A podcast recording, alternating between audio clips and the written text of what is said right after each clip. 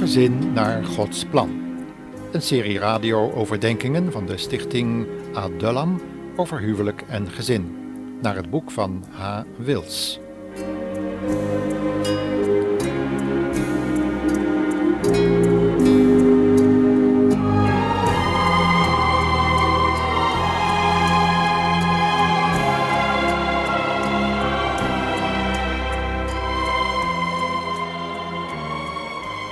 Zoals we in ons vorige programma hebben beloofd, zouden we vandaag beginnen met het thema uit Genesis 25 tot 28. We zouden boven dat thema kunnen zetten: het verscheurde gezin. We hebben de vorige keer gezien hoe twee jonge mensen elkaar vonden, nadat ze God om leiding gebeden hadden. Nu zouden we kunnen denken dat zo'n bijzonder gezegend begin ook wel een happy end zal hebben. Maar niets is helaas minder waar. We moeten als christenen leren dat zegen niet iets automatisch is, wat je in een soort eh, medicijnkastje kan zetten om op gezette tijden er wat van in te nemen. Zegen van God is aan bepaalde voorwaarden verbonden. Voorwaarden die God gekoppeld heeft aan zijn eenmaal gesproken woord, en wat voor ons is opgetekend onder de leiding van Gods geest. In de geschiedenis van het gezin wat we nu voor ogen hebben, dat van Isaac en Rebecca dus, leren we deze les. De les van eenheid tussen man en vrouw met betrekking tot het opvoeden van kinderen. Een heel belangrijke les, waar Ellie en Rickert over willen zingen.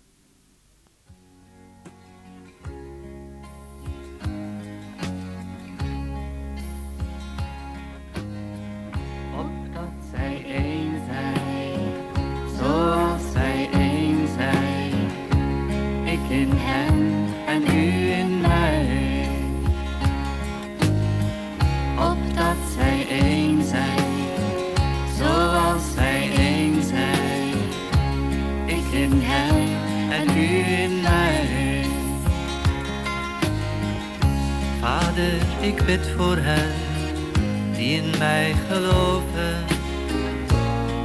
dat zij één zijn zoals wij. Zoals u in mij bent en ik in u, dat ook zij in ons zijn,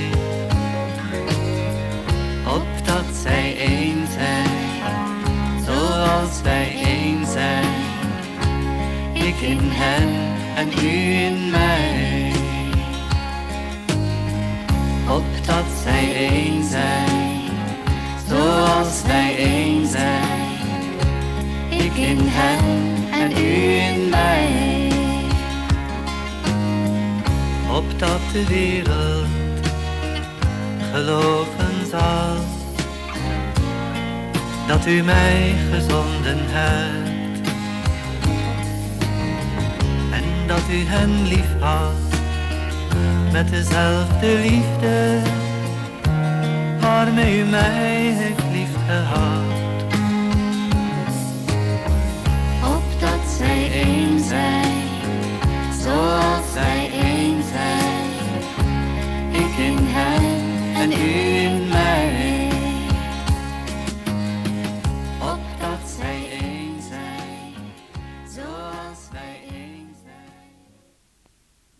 Ja, die eenheid is echt nodig binnen het huwelijk. En die eenheid kunnen we al beleven voordat we een huwelijk aangaan, namelijk in de verlovingstijd, waarin je naar het huwelijk toegroeit. Maar wat heb je die eenheid nodig als er beproevingen komen?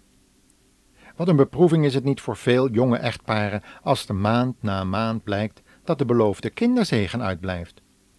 Isaac en Rebecca kenden deze emotionele ervaring ook. Maar hoe gingen zij er eigenlijk mee om?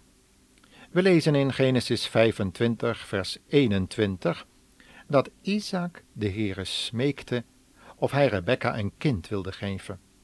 Want hoewel zij al vele jaren getrouwd waren, had ze nog steeds geen kind.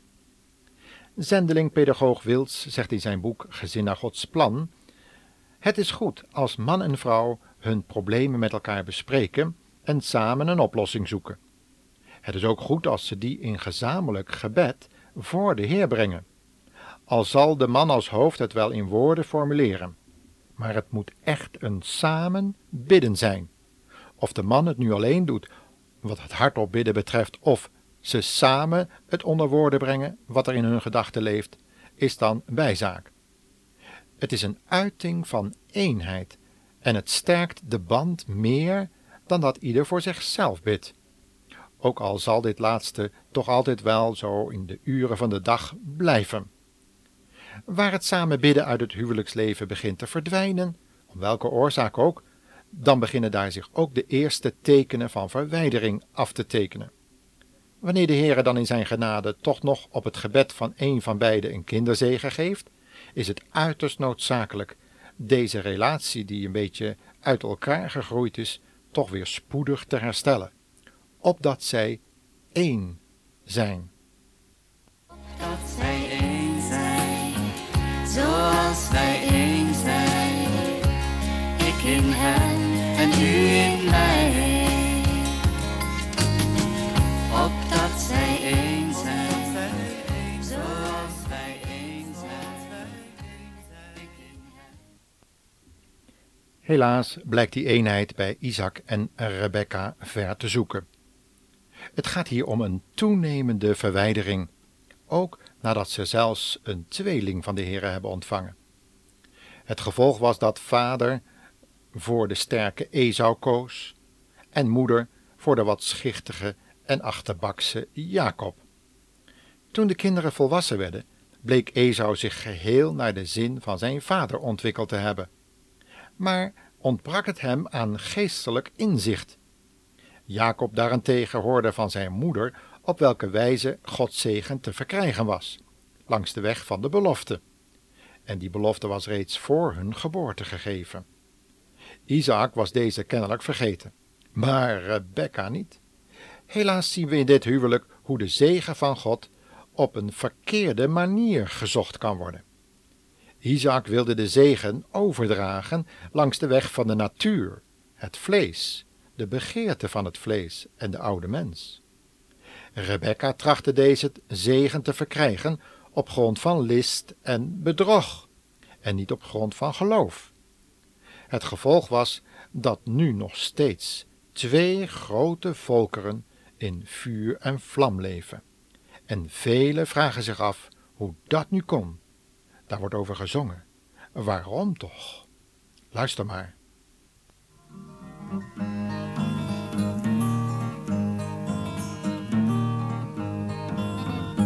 Waarom is God zo op gekomen?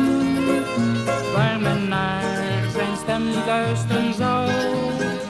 Waarom liet hij zich met doornen kronen? Toen men hem tot koning kronen wou. En waarom moest hij al die spot doen ondergaan? Waarom heeft hij al mijn zonden weggedaan? Het is zijn liefde Gods genade die mij redden zou.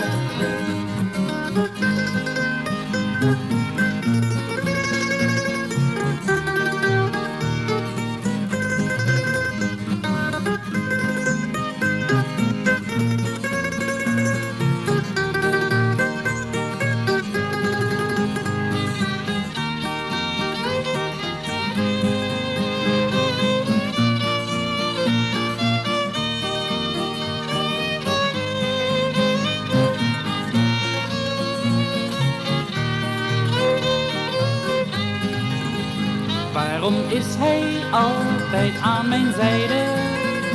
Als ik bijna door mijn knieën ga. Waarom treedt hij voor mij tussen beiden? Als ik schuldig voor de vader sta. En waarom steunt hij mij als ik niet meer kan staan? Geeft hij kracht voor elke dag om door te gaan? Het is zijn liefde die mij hier wil leiden. Stap voor stap, Gods liefde en genade. We hebben dus gehoord dat het waarom van alle oorlog, verdriet, verscheurdheid in gezinnen, verhoudingen die verstoord zijn tussen ouders en kinderen, te maken heeft met het werk wat de Heer Jezus op het kruis moest doen. Het werk wat hij moest doen als het offerlam voor de zonde. En dat daardoor oorlog, ziekte en allerlei problemen kunnen worden opgelost zodra die in het geloof bij het kruis wordt gebracht. Zoals we gezien hebben, is het resultaat van de innerlijke verdeeldheid tussen man en vrouw ten aanzien van de opvoeding een verscheurd gezin. Twee jonge mannen staan als kemphanen tegenover elkaar.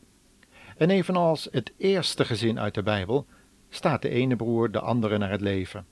Zeker, er was list en bedrog aan de ene zijde, en een vleeselijke gezindheid met gebrek aan geestelijk inzicht en belangstelling aan de andere zijde, maar rechtvaardigt dat een broedertwist. Velen hebben deze geschiedenis misbruikt om zich achter een zogenaamde leer van uitverkiezing en vrijmacht van God te verschuilen. Maar als het gaat om zegen, dan houdt God deze gedachte van zijn kant vast. Het is genade, elke zegen die we kunnen ontvangen, en hij geeft die aan wie hij wil. Nooit kunnen we genade verdienen. In dat verband is uitverkiezing zeker in de Bijbel terug te vinden. Maar als het gaat om een rechtvaardig oordeel, dan zien we dat dit oordeel pas jaren later door een profeet uitgesproken werd. Het blijkt dan dat Esau dit oordeel aan zichzelf te danken heeft en dat hij daar nooit God de schuld van kan geven, zoals helaas sommige christenen doen.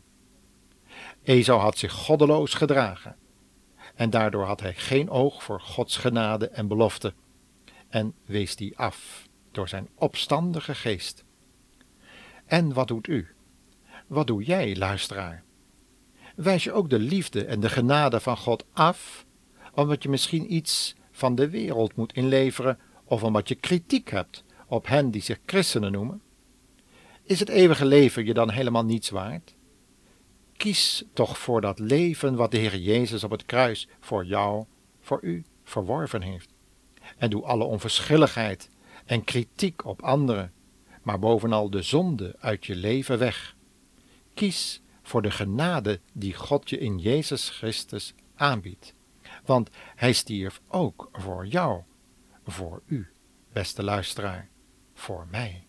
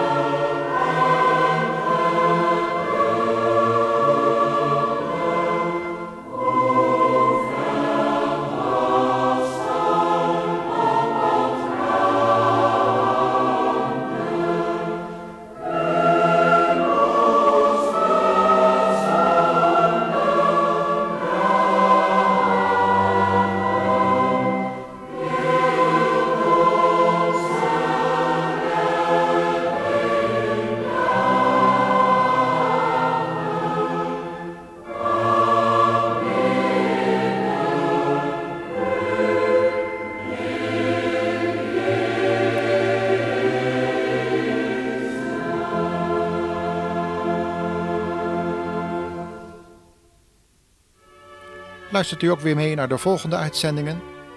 Dan willen we u samen weer meenemen naar een volgend huwelijk. Het voorbeeld in de Bijbel. God zegen u en tot de volgende uitzending.